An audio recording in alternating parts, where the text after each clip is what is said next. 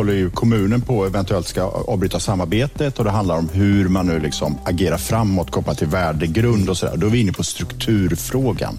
Om det finns liksom machokulturer och sådär. Det är det som man är kanske oroad för, hur, hur, menar, hur att, kvinnosynen och hur machokulturen ser ut inom idrotten. Att skilja på liksom våld i nära relationer som någonting mindre allvarligt pekar ju på det.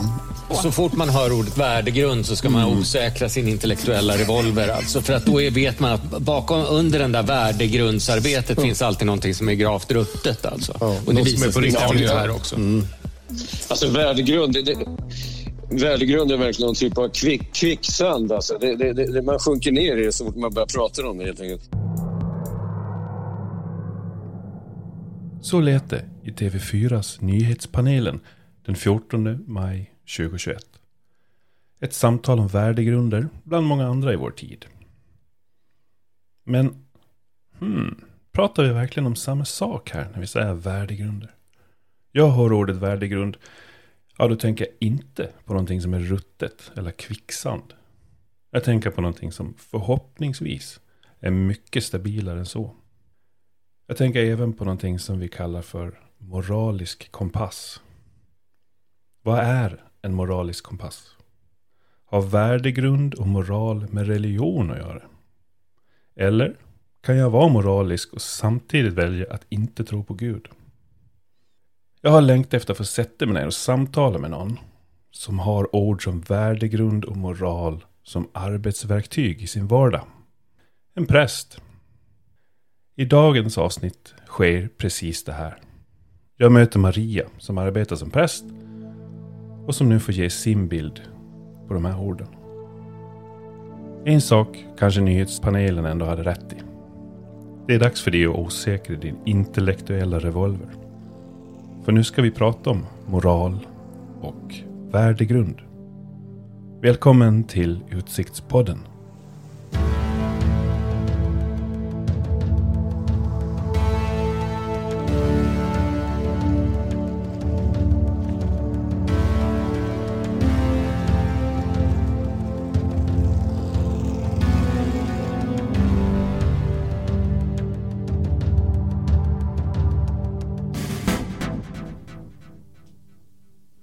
Hej Maria. Hej Ingemar. Jag har varit lite nervös för det här. Inte jag. jo, det har jag också varit. Alltså det är ett så stort, det är så stort ämne, det är så komplext, det är så djupt. Och en av nervositeterna det är ju att hur mycket jag än vill prata om det så, så vet jag inte om, om vi kommer fram till någonting. Men jag tycker fortfarande det ska bli jätte, jätteintressant att höra din syn på värdegrund. Mm och dina reflektioner på hur jag ser på värdegrund. Mm. Vi ska mötas någonstans. Ja, och jag tror vi kommer att göra det, trots att vi egentligen har en stor skillnad. Mm. Du tror på Gud, och det gör inte jag. Mm. Jag sa det till dig vid något tillfälle, och då la jag fram det som att du kanske har någonting som jag saknar. Och det gillar du inte. Nej, det gillar jag inte.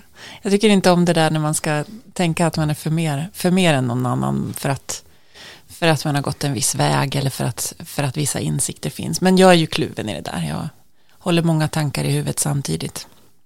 Jag är ju, det är klart att jag vill prata om det också och på något vis få människor att se, se saker som de förut kanske inte har sett. Men ja, nej. Jag någonting skiljer inte. ju. Jo, någonting skiljer ju. Fast, fast jag tänker ibland att de som, de som, in, de som säger att de inte tror på Gud eh, tror att det är större skillnad än vad det kanske är. Fast sen är jag också bra på att smeta ut min egen världsbild över de andra och tänka att de tänker nog egentligen som jag fast de inte vet om det Jag vet att du beskrev en tårta för mig. Mm. Berätta den igen. Ja, det måste jag ju tänka. Vi, pratade, ja, vi, vi, vi träffades och pratade en gång. Eh, det var bara det att så fort jag började prata då, då sa du att nu måste vara tyst för det här måste vi spara till sen när vi ska prata med varandra. Eh, så den där tårtan, nu måste jag tänka efter vad jag tänkte med den. Jag tänker ju att Gud är någon slags, ehm, jag tror att det finns olika bilder av, av hur man tänker att Gud är. Men jag tänker att Gud är som någon slags ehm, marsansås kanske, för det är det bästa som jag tycker på tårtan. Som på något vis sprider sig och liksom allt det andra suger upp den där marsansåsen. Egentligen kanske en bättre hallon, hallonmos, för det sprider sig verkligen. Och sen smakar allt det där. Och sen kan man inte riktigt säga sen vad som är Gud och vad som inte är Gud. Vi sitter här nu och det som skiljer oss är hallonmos. Jag har inte hallonmos. Mm. Ja. Det är väldigt gott med hallonmos. Ja. Mm. eller, eller inte. Nej. Är, är det det som är andlighet? Det som sprider sig. Det som äh, finns. Ja. I ett tidigare avsnitt där vi pratade integritet, då äh, kom andlighet upp och då till slut så hamnade jag i det här att ja, jag kan nog egentligen inte förklara andlighet. För att andlighet är kanske inte bara religion. Det är någonting som öppnar upp kanske för religion. Men jag, jag vet inte. Vad, vad, är andlighet? Jag tror att religion är, är liksom, jag tror att andlighet har vi alla. Eh, vare sig vi tror att det finns någonting större än oss själva eller inte, vare sig vi tänker att det finns en gud eller inte, så finns en typ av andlighet i oss som söker former. Och jag tror att religionen är den yttre formen för den där andligheten. Eh, och vi har skapat oss olika religioner för det finns en sorts andlighet som, som behöver ta form. Och det finns ett behov hos oss att eh, söka någon att rikta vår tacksamhet eh, och vår maktlöshet mot. Och våra frågor. Och... Så att jag tror att andligheten är, är på något vis en, en, grundläggande, en grundläggande grej. Och religionen har kommit utifrån det. Sen är ju religion, religion är ju struktur. Och i många sammanhang är ju religion kultur på ett annat sätt. Än, än vad, vad det kanske är för oss. Ja, ja. ja jag tror religion är i mycket också kultur. Mm. Det går nog väldigt hand i hand. Mm. Kultur och tradition. Ja. Och geografi kanske. Och jag tänker på det vi ska prata om egentligen. Nu kommer vi in på andlighet. Men värdegrund mm. är ju mycket kultur och omgivning. Mm. Där religionen, är, jag ser en eh, väldigt, väldigt tydlig del av värdegrunden som under, om vi går tillbaka i, genom tiden, så har religionen haft en, en stor påverkan på det vi kallar värdegrund. Mm. Det håller du säkert med? Ja, absolut. Mm. Och det tänker jag har med Ja, vi pratade om det där också, om värdegrund kan vara någonting, om, om vi kan ha en värdegrund som vi står på utan att vi eh, bekänner oss till en religion eller om, om värdegrunden är avhängig en slags religiös eh, övertygelse. Är du med? Mm. Oh ja. Oh ja. Någonstans där tror jag vi efter en timme så kommer vi landa där tror jag. eh. Ja eller nej? Ja, jag, eller kanske, eller det beror på. Ja, någonting. Så jag, jag, har, jag har min bild av det, men, men det är en lång resa dit såklart. Ska vi börja med den, med den, eh, den moraliska kompassen? Ja. För jag, om jag berättar ja, hur jag ser på det, så, så får du komma med din reflektion. Mm. Jag ser som att det finns en bägare som vi kan fylla med någonting. Det vi fyller den med är värde. Mm. Det är själva bägaren är kanske värdegrunden, men den kommer tom och sen får jag fylla den med någonting. Mm. Jag fyller den, om jag bor på eh, om jag bor i Sveriges 1600-tal så är det väldigt stor chans att jag kommer fylla den med kristendom. Mm. Uppe på den ligger någonting och flyter. Som, som kan ändra lite riktningar. Sådär. Och den är känslig för det som finns i. Mm. Är, det, är, det, är den känslig för konsistensen på det som finns i. Och där, det är alltså en kompass som, som ligger längst upp och guppar på det som jag fyller den här bägaren med. Mm. Bildligt, men vad... Ja, den där bilden gör ju att det flyter ganska mycket. Kompassen, ja. Uh, ja, men också det du fyller bägaren i. Alltså det du fyller bägaren med mm. är någonting som flyter. Mm. Eller? För när jag tänker värdegrund, så alltså jag förberedde mig eh, på ett sätt för det här samtalet och det var att jag gick in på Wikipedia och kollade värdegrund. Allas vår vän Wikipedia. Ja, eller hur? Ja. Den, som är, den som är sanningen. Mm. Först kommer Gud, sen kommer Wikipedia och sen kommer Jesus. Um, nej men Wikipedia, där stod det att det här var någonting som dök upp i slutet på 1990-talet i Sverige och Norge, att man började med värdegrundsarbete och då började det här liksom, ordet växa fram, värdegrund. Och jag tänker att det här är ju någonting som alltid har funnits, som, som, eh, men det blev, det blev ett modeord då. För det kan jag tänka, när du frågar, är det ett modeord? Då kan jag tänka att det blev det då, för då skulle alla jobba med sin värdegrund. Och då gjorde man det i skolan och på kommun och vi i kyrkan skulle jobba med värdegrundsarbete och det skulle stå i sådana här måldokument och sådär. Då skulle det finnas liksom ord för det. Vad som, vad som är vår värdegrund och den här skolans värdegrund. Och jag vet vi jobbar på familjecentrum i Skultuna med värdegrundsarbete. Och, och då kan det vara lite flytande. Men jag tänker ju att en värdegrund är, för mig är det mera um, ett, ett slags bygge med olika tegelstenar eh, för att värdegrund, för att, jag, jag tänker grund är någonting stabilt och någonting som vi står på. Vi står på det och vilka värderingar ingår i den grund som jag står på. Så tänker jag värdegrund. Och då blir den här moraliska kompassen inte riktigt lika känslig för um, för jag tänker att det dallrar så himla mycket i din bägare. Så att kompassen är liksom svår att jag kan ju fylla den med cement. Det kan du göra, verkligen. Men det är ju ganska olämpligt. Men värdegrunden är, som... är, ju själva kalken. Alltså. ja, just det. ja, just det. Det du fyller den med. För att värdegrund, som, som om jag tänker att du häller cement i din bägare, det är ju ingen höjdare.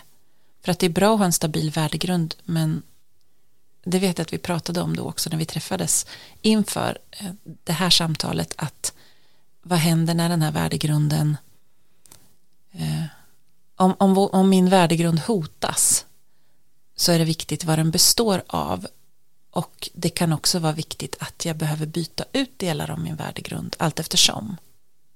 Jag tänker ju, när jag var, när jag var liten, jag är född 1970, jag har fyllt 50 ganska nyss. Eh, när jag var liten då, eh, då hade jag aldrig sett en neger som man sa då. Jag hade ju aldrig sett en mörkhyad människa förrän det kom en och skulle sälja någonting på våran, jag är uppväxt i en, en liten by i Närke.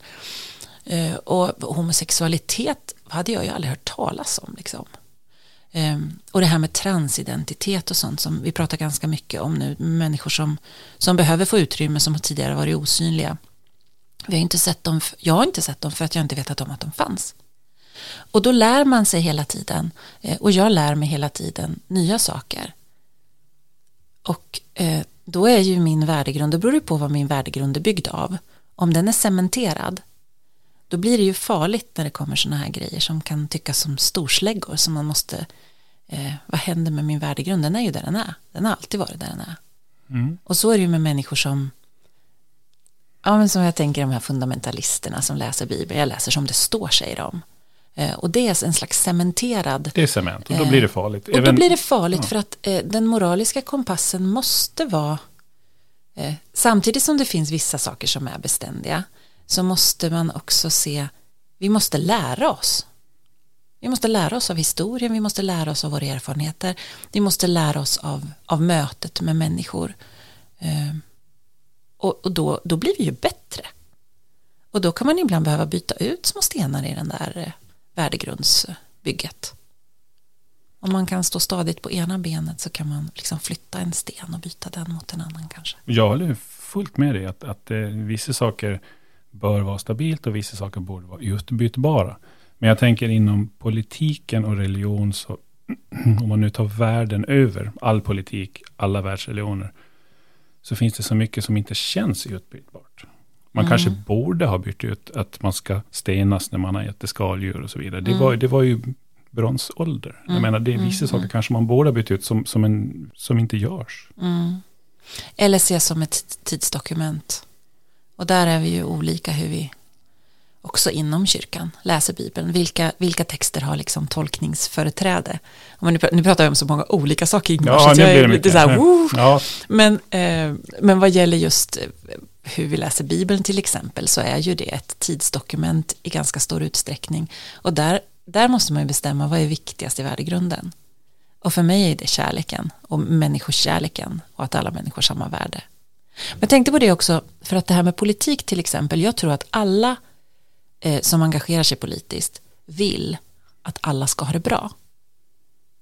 Och sen så tänker man att det finns olika vägar på det där på olika vägar dit och så ser man att man, man står på olika sorters värdegrund men egentligen den grundplattan som vi alla står på det är att vi skulle önska att alla hade det bra. Så att någonstans värdegrund har vi väl tillsammans. Men det är ju när vi, när vi tänker att du tror, jag tror inte att du vill att alla ska ha det bra bra är ju ja, ganska vet, subjektivt. Mm, ja, det, är är, det är inte plus och minus på alla gånger. För det som är bra för mig kan vara, kan vara dåligt för dig, tänker jag. Ja, det är helt sant. Men bra i någon slags, kan man inte tänka bra i någon slags objektivt perspektiv? Att alla ska ha det bättre då? Kan man tänka så? Ja, bättre kan ju betyda att, att alla ska få varsin lägenhet. Men om man säger det till någon som, som lever ett med naturen nere i djungeln så är ju att sitta inlåst i en lägenhet skulle ju verkligen inte vara bättre. Nej, det är därför jag har lite svårt för, för eh, världsreligionernas missionerande. Som ibland har gått överstyr för att vi vill applicera en vår egen världsbild någonstans där den inte alls är applicerbar. Och då är vi där igen kanske. Vilken värdegrund som är eller vad som är överst. Kan man tänka så? Vad är överst i värdegrunden? Finns det olika nivåer? Finns det något som är omistligt? Och sen har vi lagt på olika eller helt olika Ja, om du frågar mig så ska jag säga att eh, ditt eget jag står nog kanske överst ner på cellnivå egentligen. Om man, mm. om man ska, jag tror varje cell arbetar för din egen överlevnad. Mm. Och kanske nästa lager handlar om kärlek. För du kan inte stå ensam. Ensam är inte stark. Du måste ha eh, fler med dig. Men jag, jag, kanske är det så överst i den här värdepyramiden. Så, så finns jaget. Jag tror det är vanligare än eh, altruism. Mm. Men, men där finns ju en slags, eh, eh, där går en parallell. Jag kan ju må bra av att vara altruist. Och då är det jaget som är i förgrunden med mina, med mina mm. handlingar mm. blir ju ändå ja. eh, inte självcentrerade. Eller så är det det de är. Det känns som vi är ute och cyklar. Mm. Mm. Men, men fortfarande, det är den här cykelturen som vi kanske kan hitta någonting på. Som, som vi inte såg tidigare. Kanske. Kanske. Det beror på om vi cyklar var för sig eller om vi cyklar tandem. Ja. Om jag frågar dig det mest uppenbara, är du, tror du på Gud? Så svarar du. Nej, Jag kan inte, jag kan få problematisera, kan jag inte få göra det? För det, det beror på vad du menar med Gud. Ja, okay. eh, om jag tror på det, det som du menar är Gud, så vet jag du inte. Du satte på cykeln direkt. jag satte mig på en egen cykel. Jag vill inte cykla på din cykel. Jag har en egen cykel. Jag eh, eh, tror på Gud, ja. Mm. Eh, som jag definierar Gud. Eh, jag vet inte om, om vi definierar Gud på samma sätt. Därför så, så dröjde jag med frågan. Ja, För ofta när, när mm, särskilt barn frågar om man tror på Gud och människor som inte är så genomreflekterade kanske eh, och jag säger ja, då hamnar jag i det facket av människor som är eh, korkade och lurade för att jag tror på någonting som överhuvudtaget inte kan existera. Du menar att det menar en farbror. Alltså ja, då placerar jag i det facket som tror på en, en gubbe som sitter på ett moln och bestämmer allting. Som vi på något vis kan bevisa att det inte finns. Alltså är jag egentligen korkad och lurad. Så därför så dröjde jag lite med svaret. Mm. Är du missnöjd med svaret nu? Absolut inte. Nej, nej. Jag tänkte det skulle bli mycket kortare än så. Men det, det, det är jättebra. jättebra. Eh, mm. och, eh, och jag ja, tror, jag, jag säger ja då. Mm. Ja, och jag tror mm. inte på Gud. Nej. Men, och här kommer liksom twisten. Jag är ateist, ska man väl kunna säga. Jag, jag, väl, jag har aldrig haft behov av att klä någonting med Gud. Utan då spenderar jag lite mer tid och så försöker jag ta reda på istället hur det funkar. Det, det är mm, lite mm. så jag, om man generellt mm. tänker. Jag har inte haft behov av det. Mm. Och jag tycker i vissa meningar i, i världen så är religion överlag rent skadligt. Mm. Ehm, men jag lever som om Gud fanns. Det är ett val jag har gjort. Och för att använda ett ord du just sa så är det ett genomtänkt val. Jag har kommit på mig själv att jag måste leva som om Gud fanns. Och då pratar jag eh, den judeiskt kristna sfären, västreligion. Inte buddhism och hinduism och så. Eh, så nej, jag är inte troende, men jag måste leva mitt liv som om Gud fanns. Vad är skillnaden? Skillnad... Om du skulle leva ditt liv som om Gud inte fanns? Det kan jag inte. det här är ju blödande svårt för mig som ateist att sitta och säga det, såklart. Mm, mm. Men det har med värdegrund att göra. Värdegrund är, kommer från religionen till, till mycket årtusenden. Eh, kristendomen var inte först med att ha troende människor, utan vi kan gå tillbaka längre tillbaka. Religion, religioner har mm. influerat varann och sen så går mm. det vidare. Och man kan gå tillbaka även till de som trodde på Shpokunga som bodde i berget, liksom, mm. långt tillbaka i tiden. Så det fanns troende och ett sätt hur, hur vi människor ska hålla samman, hur, hur vi ska tycka likadant. Mm. Hur vi ska värdera på oss som människor, om vi ska ha någon skillnad mellan oss och djuren, om vi ska ha skillnad på man och kvinna. All, all, all, hela det här finns med i någon, det jag kallar för värdegrund. Mm. Och det har kommit nu till idag, 2021. Och att jag inte skulle leva efter den kristna värdegrunden, det finns ju inte. Jag tycker du är mer värd än en, än en hund när jag är ute och kör bil. Mm. Mm. Alltså det, det, det, finns så mycket ner på detalj som har med värdegrunder att göra, som, som kommer från den kristna värdegrunden. Så att, att sitta här och säga att jag är ateist och att jag absolut inte följer den kristna värdegrunden, det vore fel. Men är den kristna värdegrunden då kulturell? Ja, delvis, absolut. Ja, den är ju inget, ingenting annat. Nu kommer artisten fram. Den är ju bara kulturell, ska jag säga. För att det, det tänker jag att, att väldigt många, jag tror att ganska många lever som att, att uh, Gud kanske finns. Men det är bra så länge vi inte behöver Gud. Lite som sjukvården, att det är bra så länge sjukvården, det är jättebra att sjukvården finns. Men vi vill ju inte åka dit om vi inte behöver. Men den finns ju ifall det skulle hända något. Och så tror jag att ganska många tänker på, på både Gud och kyrkan att att eh, i vardagen så, så spelar det inte så stor roll men om det kör ihop sig så vore det praktiskt om Gud fanns av olika anledningar. Mm. Det är säkert en sorts försäkring för många. Ja. Kanske. Ja. Inte för mig, men, men för mm, många. Mm. Och eh, och där tänker jag att det kanske har att göra med att man, en rädsla också någonstans. För du säger om, om, om det behövs. Ja, det kanske behövs på yttersta dagen så att säga. När man, mm, när, mm. när, om man säger att nu, oj, mitt liv tar slut om två dagar. Då, då är det plötsligt, vad har jag kvar då? Mm, mm. och, och jag då är ju lika rädd för det som om jag är för tiden innan jag föddes. Mm. Jag är inte rädd alls. Mm. Den kommer upplevas precis likadant, de, de två epokerna, innan och efter mitt liv jag känner att jag behöver den, men jag förstår många som, som ändå har det här eh, kvar. Ja, men tänk om Gud finns ändå. Ja. Men, det, men det, är, det, är, det är väl det där snopna, om, om man dör, eller när snarare kanske, eh, om är ju ganska självklart, när vi dör, eh, om vi då har rätt eller fel. Eh, det, är ju, det är ju ganska intressant och det kan ju bli ganska snopet. Eh, jag tror både du och jag kommer att bli förvånade, eh, för att vi vet ju inte, utan vi har ju, vi har ju en teori. Nej. Hur förvånad var du när du fick reda på att du skulle födas? Jo, men jag blev ganska glad faktiskt. när du fick reda nej, på att nej, om tre dagar kommer nej, nej, ja, nej. precis. Nej. Jag tror, ingen, jag tror du blir förvånad om du tror att du ska bli förvånad. Ja. För du kommer inte bli det. Nu ja, blir det, det kan vi agree to disagree. Men, men grejen är att jag blir förvånad om det inte finns någon gud. Mm. Men samtidigt så, så utvärderar jag ganska ofta eh, Alltså jag räknar ju också med den vad ska man säga, möjligheten eller risken att Gud inte finns. Jag tror att det finns en Gud och jag har alltid levt i någon slags liksom, förtröstan.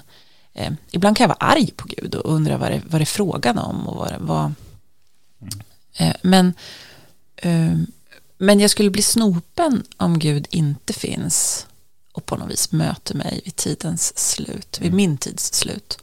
Men den påverkar inte din värdegrund egentligen? Alltså tanken? Den här att om Gud finns eller inte finns?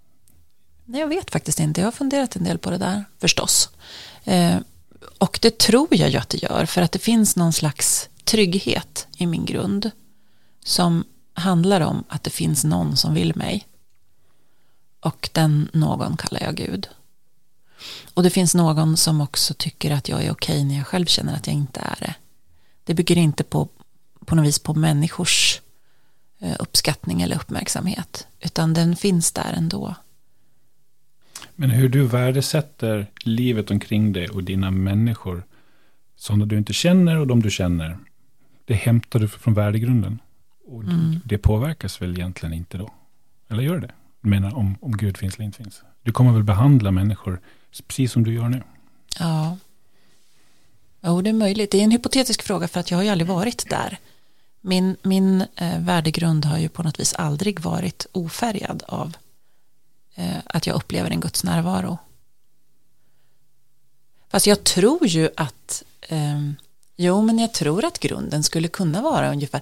Jag känner ju människor som, som du som säger att man, jag, jag, tror inte att det finns en gud eller jag, eh, och också jag, jag, kallar mig inte kristen överhuvudtaget. Jag tar avstånd från allt som har med kyrkan att göra, men som lever eh, som, som oerhört mycket bättre. Nu vet jag att du inte gillar det där med bra och bättre och så, men, men eh, som, som lever ett, ett fullt liv där man, där man lever i kärlek och respekt, men att man inte hänvisar till en religion eller en högre makt utan att man i sig själv landar i, i det.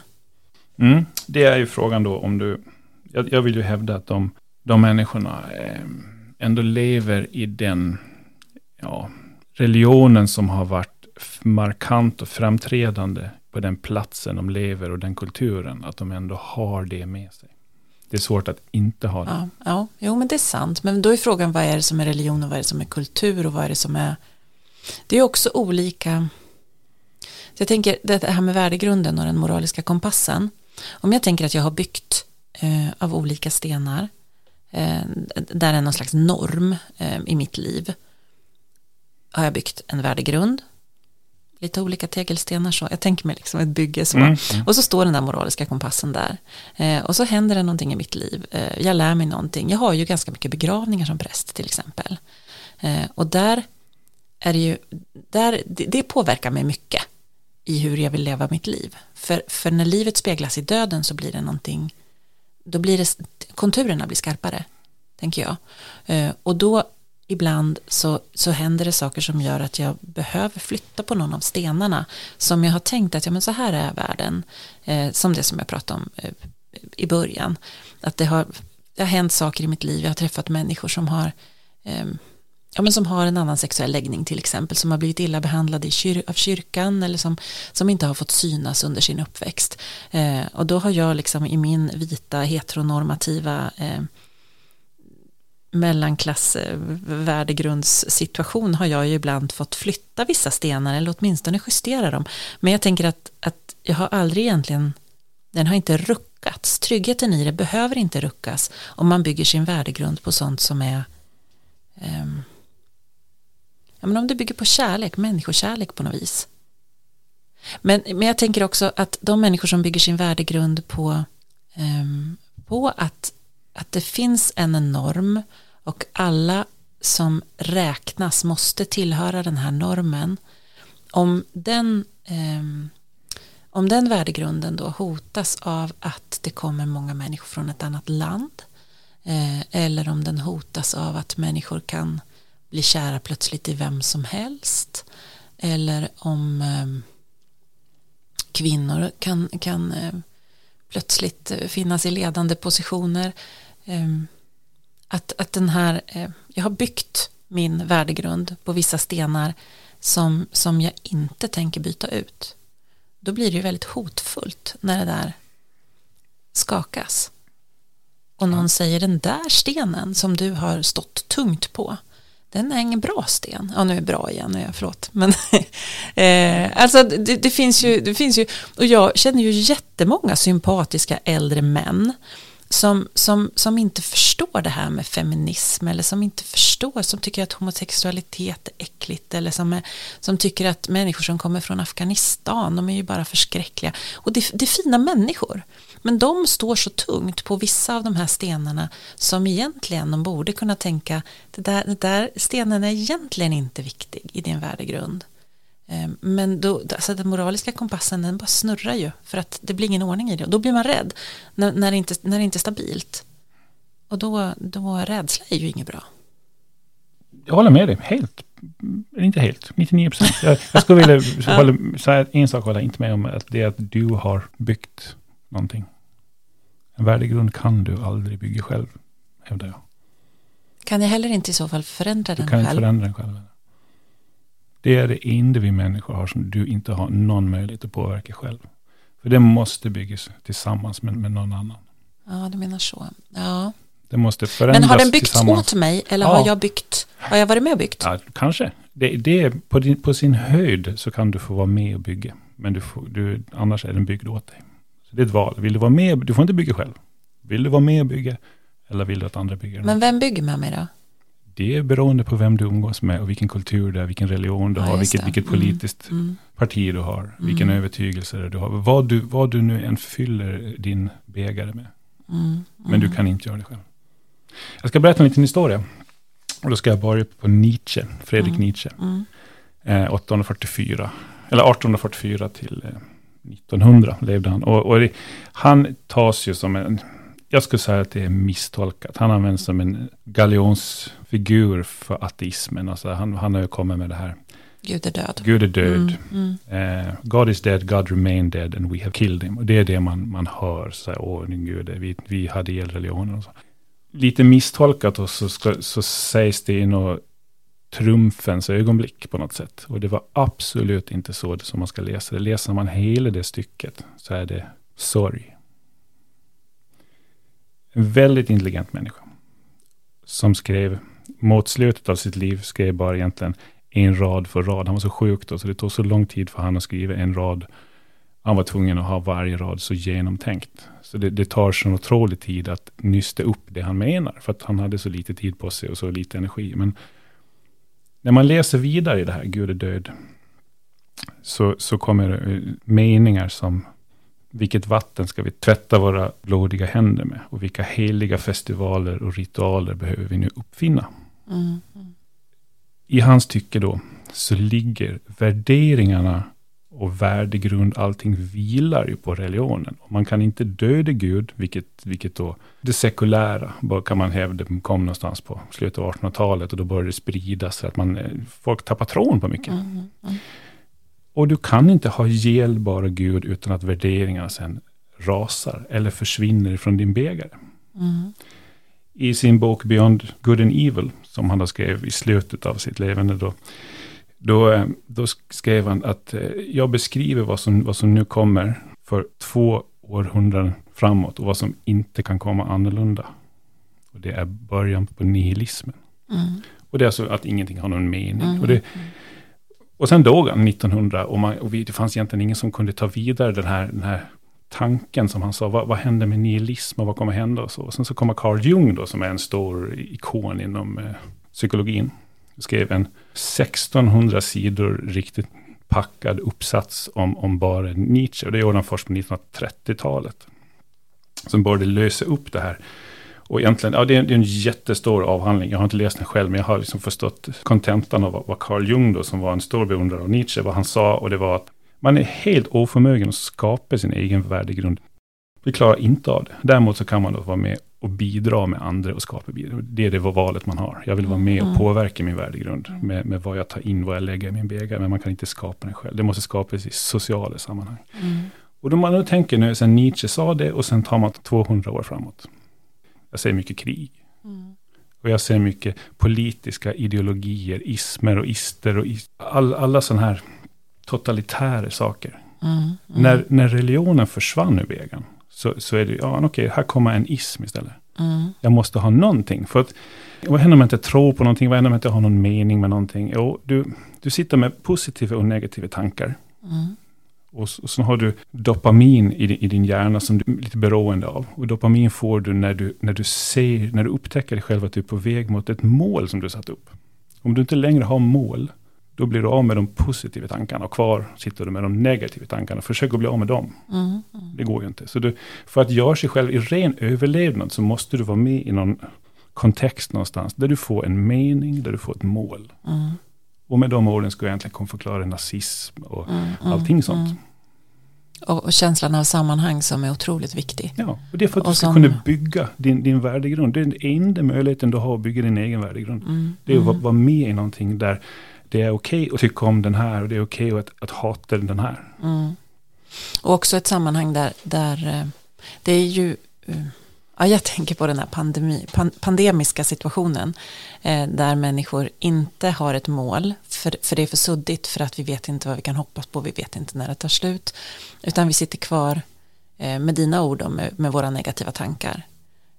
Och och eh, saknar sammanhang dessutom. Många får inte gå till jobbet, vi får inte kramas över generationsgränserna och vi får inte eh, gå ut och, och vi, får, vi får egentligen inte vara i några sammanhang.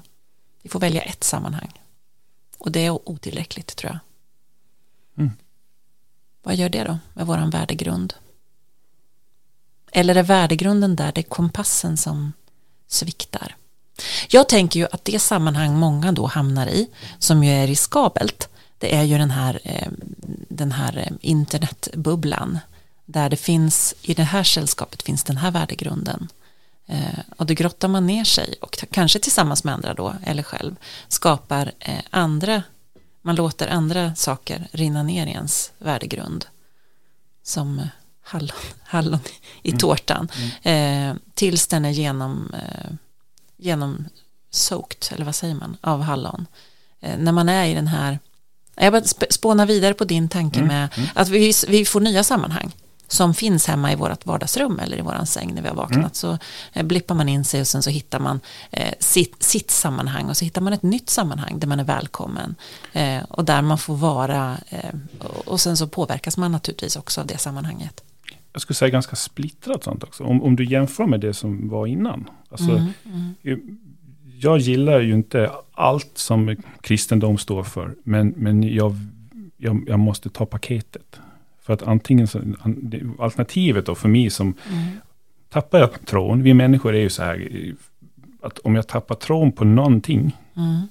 Så, så hamnar jag utanför systemet. Och då, då, är det, då kan jag inte hitta tron på någonting sen alls. Om jag tappar, tappar tron på ett, ett system, en struktur, mm. så, så, plötsligt, om man har sett filmen Matrix, så kommer man ut i sin bubbla och helt mm. plötsligt så bara är det, okej, okay, alla de här strukturerna och, och mönstren jag har framför mig, det är ju bara falskt allting. Mm, liksom. mm. Och då, då kvar sitter man med, med den här tomma bägaren och du, du är desperat så måste du fylla den med någonting. Och då blir det ju ja, lite som på internet, som du säger, lite där, lite där, lite där, men det blir ju en väldigt splittrad, eh, den här kompassen, den kommer snurra ganska mycket. Ja, om det inte är så att du hamnar i den bubblan där det finns en världsbild som du kan köpa tillsammans med några andra som har samma världsbild. Oh ja. Och det, eh, finns ju och det är en, farligt. Ja, det är farligt. Och det är ju så som det, de här hemska exemplen föds tror jag. Du kommer in i en organisation på något sätt som, som de har ett komplett paket. Mm. Fyller bägaren till bredden med, med, med, med det du behöver kunna och tycka. Mm. Och det lägger sig till rätta där för att det är, till, det är tillrättalagt. Och så handlar det om att du, du, du måste köpa alltihopa.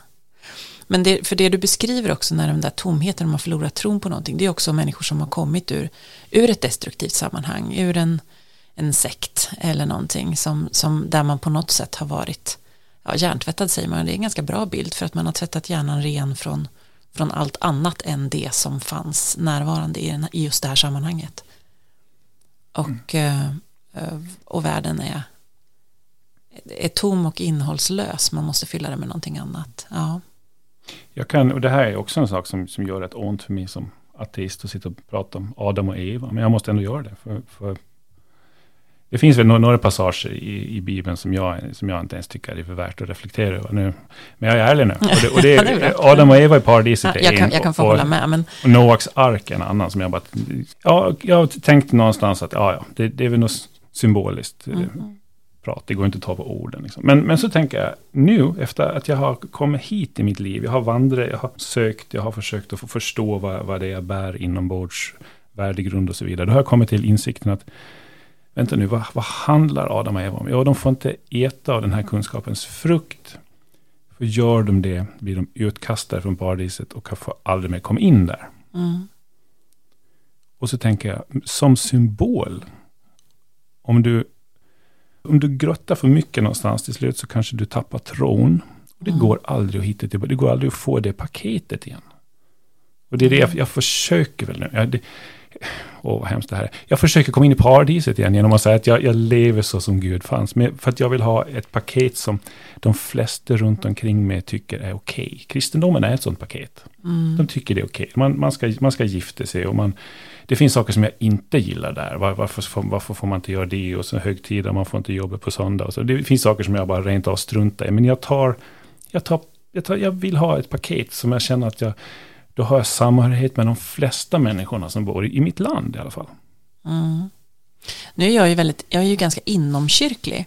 Och jag upplever ganska det? ofta, nej det betyder att jag är på insidan och eh, har ett, ett förmodligen, ja men jag har ett annat perspektiv på något vis på, på eh, ja men jag, jag märker ju att, att det är väldigt många inom min organisation som inte alls har, har riktigt samma paket som, som jag. jag. Jag funderar på om, om, om det, varför, varför tänk, ja. Nej, det är det där med paketet. Eh, för att du vill ha ett paket där det funkar. Och där, eh, för att jag kan ju tänka ganska ofta så blir jag ju ifrågasatt. Det är ju inte som att den, den kristna, eh, att vara kristen är det finns ju ganska många undersökningar nu som, där det visar att, att ungdomar som säger att de är kristna i skolan, de blir behandlade på ett, ett annorlunda sätt av både sina kompisar och också av lärare. För att, eh, för att det är på något vis en, ett ställningstagande som, som ja, man är lite mera korkad om man är kristen eller man har köpt, man har köpt ett paket på något vis. Ja, grattis säger jag. För det, då har man inte kanske riktigt insett att om du inte köper paketet, då ska du själv försöka plocka ihop någonting som bevisligen inte går. Men, och som bevisligen kommer att bli ganska mycket röra. Och du måste plocka ihop någonting, för du kan inte gå runt med en tom bägare. Nej, du behöver en värdegrund. Men du tänker att den går inte att bygga utan Gud? Jo, det är det jag försöker. Men den går, ja, men den går försöker. inte att bygga jag, utan kristendom, eller utan... Nej, det är kristendom som har byggt den. Det måste jag vara ärlig och säga. Här, här just den här platsen geografiskt i Sverige, så, mm. så är det ju, kommer vi från en kristen grund. Den har, varit med, och, mm. den har ju varit med och mm. byggt den här värdegrunden. Mm. Jag, är, jag är inte rädd för hur världen ser ut nu idag. Jag tror mina barn kommer växa upp utan att vara kristna och ändå ha en ganska schysst värdegrund som jag är med, bygger. Mm. Och mm. egentligen då också kristendomen. Men 50 år, Mm. För jag ser det här som att färre och färre går i kyrkan, färre och färre börjar ta det här paketet. Mm, mm. Och om 50 år, ja, då, då förlåt, men då, då ser det lite mörkt ut. Mm, för värdegrund eller för kyrkan eller för Gud eller för oss? För eller, oss liksom, människor, för jag tror ja. att om du och jag verkligen ska komma kom överens så bör vi väl dela. Vi bör ha ungefär samma värdegrund om vi ska komma överens. Ja. Det, det behöver inte ja. vara exakt samma, men vi, vi ska kunna ha lite värderingar som, som inte går allt för mycket i, i krock. Om jag sitter här och säger att jag tycker inte män och kvinnor ska vara lika värda, då, då, då vet jag inte om du kommer hit och dricker kaffe med mig någon gång. Jag skulle tycka att det var spännande att dricka kaffe med dig, men jag skulle kanske inte tycka om det lika mycket. Men för att, för att det är en sån, en sån udda åsikt. Att människor överhuvudtaget inte skulle ha samma värde mm. är för mig en skum åsikt. Eh. Skum ja, men den, den, oh, vad den Ja, ja, den flödar. Eh, och, och det är provocerande och intressant och eh, sorgligt. Det är det ju verkligen. Och den tar sig uttryck på olika sätt. Jag har ju en, en funktionsvarierad son. Eh, och den här debatten att, att vi ska abortera vissa foster eller att eh, ja, vissa partier vill ta bort vissa, ja, vissa rättigheter för människor som inte har um, men, men jag, alltså värdegrund, om värdegrunden är människokärlek eller, eller människors lika värde. Um, för mig så finns Gud i den värdegrunden. Men, och, och religion. För att för mig är det en viktig del av mitt liv. Men för den som i, religion inte är en viktig del av dens liv. Jag tror att man kan ändå bygga en värdegrund som är stabil. För att man kan göra det i tron på människan. Vem är man? Ja, det är väl du och jag.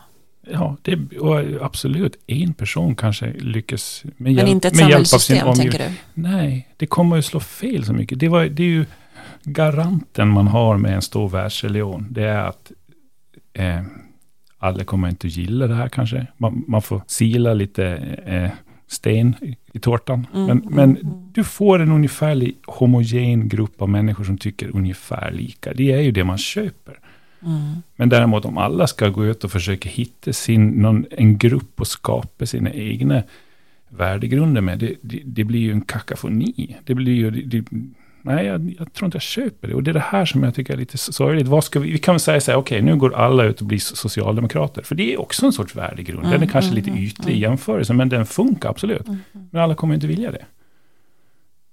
Det jag, tror, jag tror inte vi hittar det inom politiken. Och vi har, vi har skräckexempel i historien när man fyller, värde, när man fyller folk man fyller deras värdegrund med, med någon politisk ideologi. Det mm. tror jag inte alls på. Och då, mm. då kvar har vi då kanske världsreligioner eller en eh, hockeylag. Men alltså, då pratar vi ytlighet. Men ja, världsreligioner. Om alla hejar på Leksand, ja, då, kommer, exakt, då blir det fred på jorden. det är underbart. Ja, eller hur? Mm. Inte kanske Leksand, jag vet inte. Men, men, ja, men du förstår. Då, jag, förstår. jag tror, då, mm, då, kvar har vi de här, hur, hur, får jag med mig mest människor runt omkring mig som ska, ja då får jag välja någon världsreligion. Och, och enklast för mig är det ju bara, okej, okay, jag försöker följa det som de flesta tycker. Även om jag inte gillar alltid det här, så ja, en kristen värdegrund. Liksom, det, det, det, är klart att det känns illa, så om jag, jag sitter och spenderar mycket tid åt att bort med religionen. Liksom. Mm, Men mm. fortfarande, jag förstår värdet av den. Mm. Och jag skulle någonstans nästan vilja att, jag kan inte skicka mina barn i bibelskola, det vore ju konstigt. Men jag, jag ser värdet av det. Mm, mm, mm. Eh, för att de, då får de en värdegrund som är liknande med sin värld runt omkring dem. Jag, Men är värdegrunden sammanhanget då? Förklara. Nej, men värdegrunden är det sammanhang som, som vi på något vis befinner oss i. Jag tänker ju att, att olika religioner och olika eh, alltså humanismer eller ateismer eller eh, att, att om, om, de, om de på något vis samexisterar och att tron på människan är, nu låter ju det, nu låter kanske jag blir stämd av domkapitlet eller så, om jag säger så, men alltså att, att förenas Eh, att förenas i tron på någonting som vi inte vet allting om gör ju att vi själva måste, måste bygga det där systemet runt omkring. Eh, och som sagt i Bibeln, vilka, vilka texter är de grundläggande, varför kastar vi och varför kastar vi inte? Ehm, men om, om vi kan samexistera på något vis i kärlek och respekt, då tänker jag att, att, att värdegrunden handlar om kärlek och respekt. Och så länge det vi fyller bägaren med är färgat av det. Du pratade tidigare om något tolkningsföreträde. Mm. Jag hör vad du säger, mm. men någonting måste ju brista i tolkningsföreträde. Det är ju bara att gå ner till hur det ser ut i, i, i Gaza just nu. Ja, ja nej, men så, det är helt så, galet. Ja, och, eh, men där tänker jag också att, att vi har fyllt, där har vi ju inte fyllt Alltså det är ju den här, det, är det här sammanhanget och det sammanhanget som också kan bli farligt eh, när, när vi fyller våra, våran värdegrund med att, att det är våran värdegrund som är den som är, är viktigast och den enda rätta. Och där är jag ju på din linje att rätt och fel kan vi inte prata om då. Eh, men men när, när någons värdegrund handlar om att det är min värdegrund som är den enda rätta och den värdegrund som de står där, där borta, den är fel alltså måste vi sprida vår värdegrund. Eh, och om de inte fattar det, då måste vi ha ihjäl dem. Och det är ju en, en form av religionskrig som är, för mig är det, eh, du ska inte missbruka Herren i Guds namn. För mig är det, går det ner på, på budorden att, att vi kan inte använda religion eh, till, till eh, att slå ihjäl någon annan. Då har vi ju gått vilse. Och då är religion då är det en avart på något vis. Så tänker jag. Mm. Att religionen kan ju bli en avart när det, när det blir vi eller dem. För jag tänker ju när jag träffar en muslim så tänker jag, ja, men, åh, det är också en som gillar kyrkan. Istället för att tänka, åh, där är en muslim, de uh, har konstiga traditioner och annorlunda syn på jämlikhet eller äter konstig mat eller för mig är ju det en, en, på något vis en syster eller bror i tron på ett annat sätt. Men det har jag ju lite fått kämpa för, att tänka så. För att det är en annan, eh, en annan, ska man säga, en annan berättelse som är i det offentliga rummet vad gäller muslimer och islam. Och så tänker jag att du befinner dig på en sån plats där du har haft ganska mycket liketänkande och att ni har byggt den, de stenarna i din värdegrund tillsammans. Ja, jag har ju haft, jag har haft en, trygg, en, en, en trygg uppfostran eh, och en trygghet där, där jag kan eh, ehm, där jag inte blir hotad av, eh, av, av det som är olika eller där jag inte nej men så är det väl. Och det är ju en slags privilegium det också.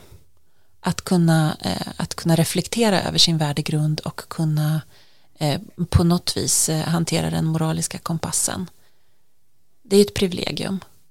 För det finns ju människor som är, som är i en annan typ av utsatthet som inte har möjlighet och, eh, och påverka sin moraliska kompass kanske, som behöver hjälp med det.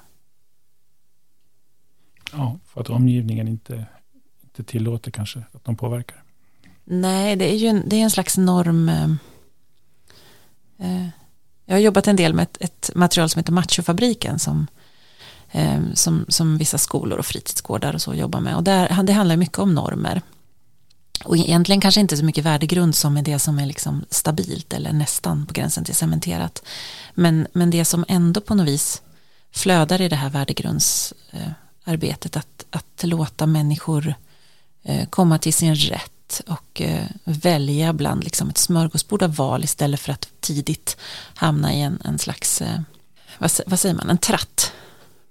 Sådär. Um, och vilka normer som är levande i vissa sammanhang. Och, och då lär man hålla sig till de normerna. Annars får man liksom inte vara med så bestraffas man och så straffas man ut på olika sätt. Och det där är ju jätteintressant. Men jag vet egentligen inte. Alltså vi kommer tillbaka till vad är en värdegrund? Är det någonting som, som börjar tidigt och som andra bygger åt oss? Eller är det någonting som vi som vi kan ändra på om man, om man väljer att eh, tro liknande som jag då, mm. vill säga att det är någonting som du egentligen inte själv kan påverka, men det är du och din omgivning i, som bygger den värdegrunden. Mm.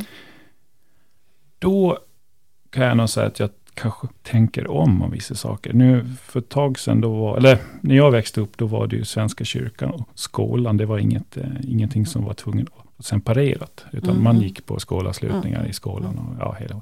Eh, nu tror jag det har blivit så, du får rätt med mig fel, men nu tror jag det har blivit så att alla, all, alla sorters religioner ska hålla sig bort ifrån eh, skolan. Mm.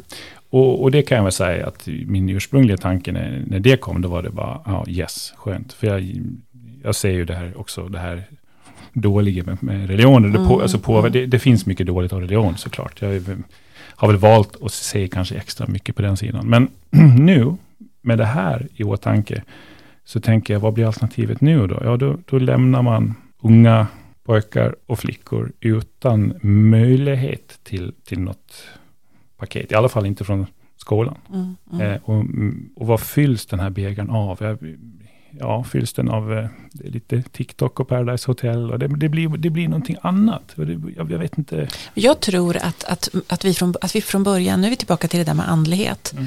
Jag tror att det finns eh, en önskan eh, om någonting annat i ens liv. Alltså, det finns en det finns en del av den där värdegrunden eller bägaren eh, behöver fyllas av någonting som, som är djupare än det vi kanske kan förstå eh, någon slags känsla av helighet eller helhet eller sammanhang eller så.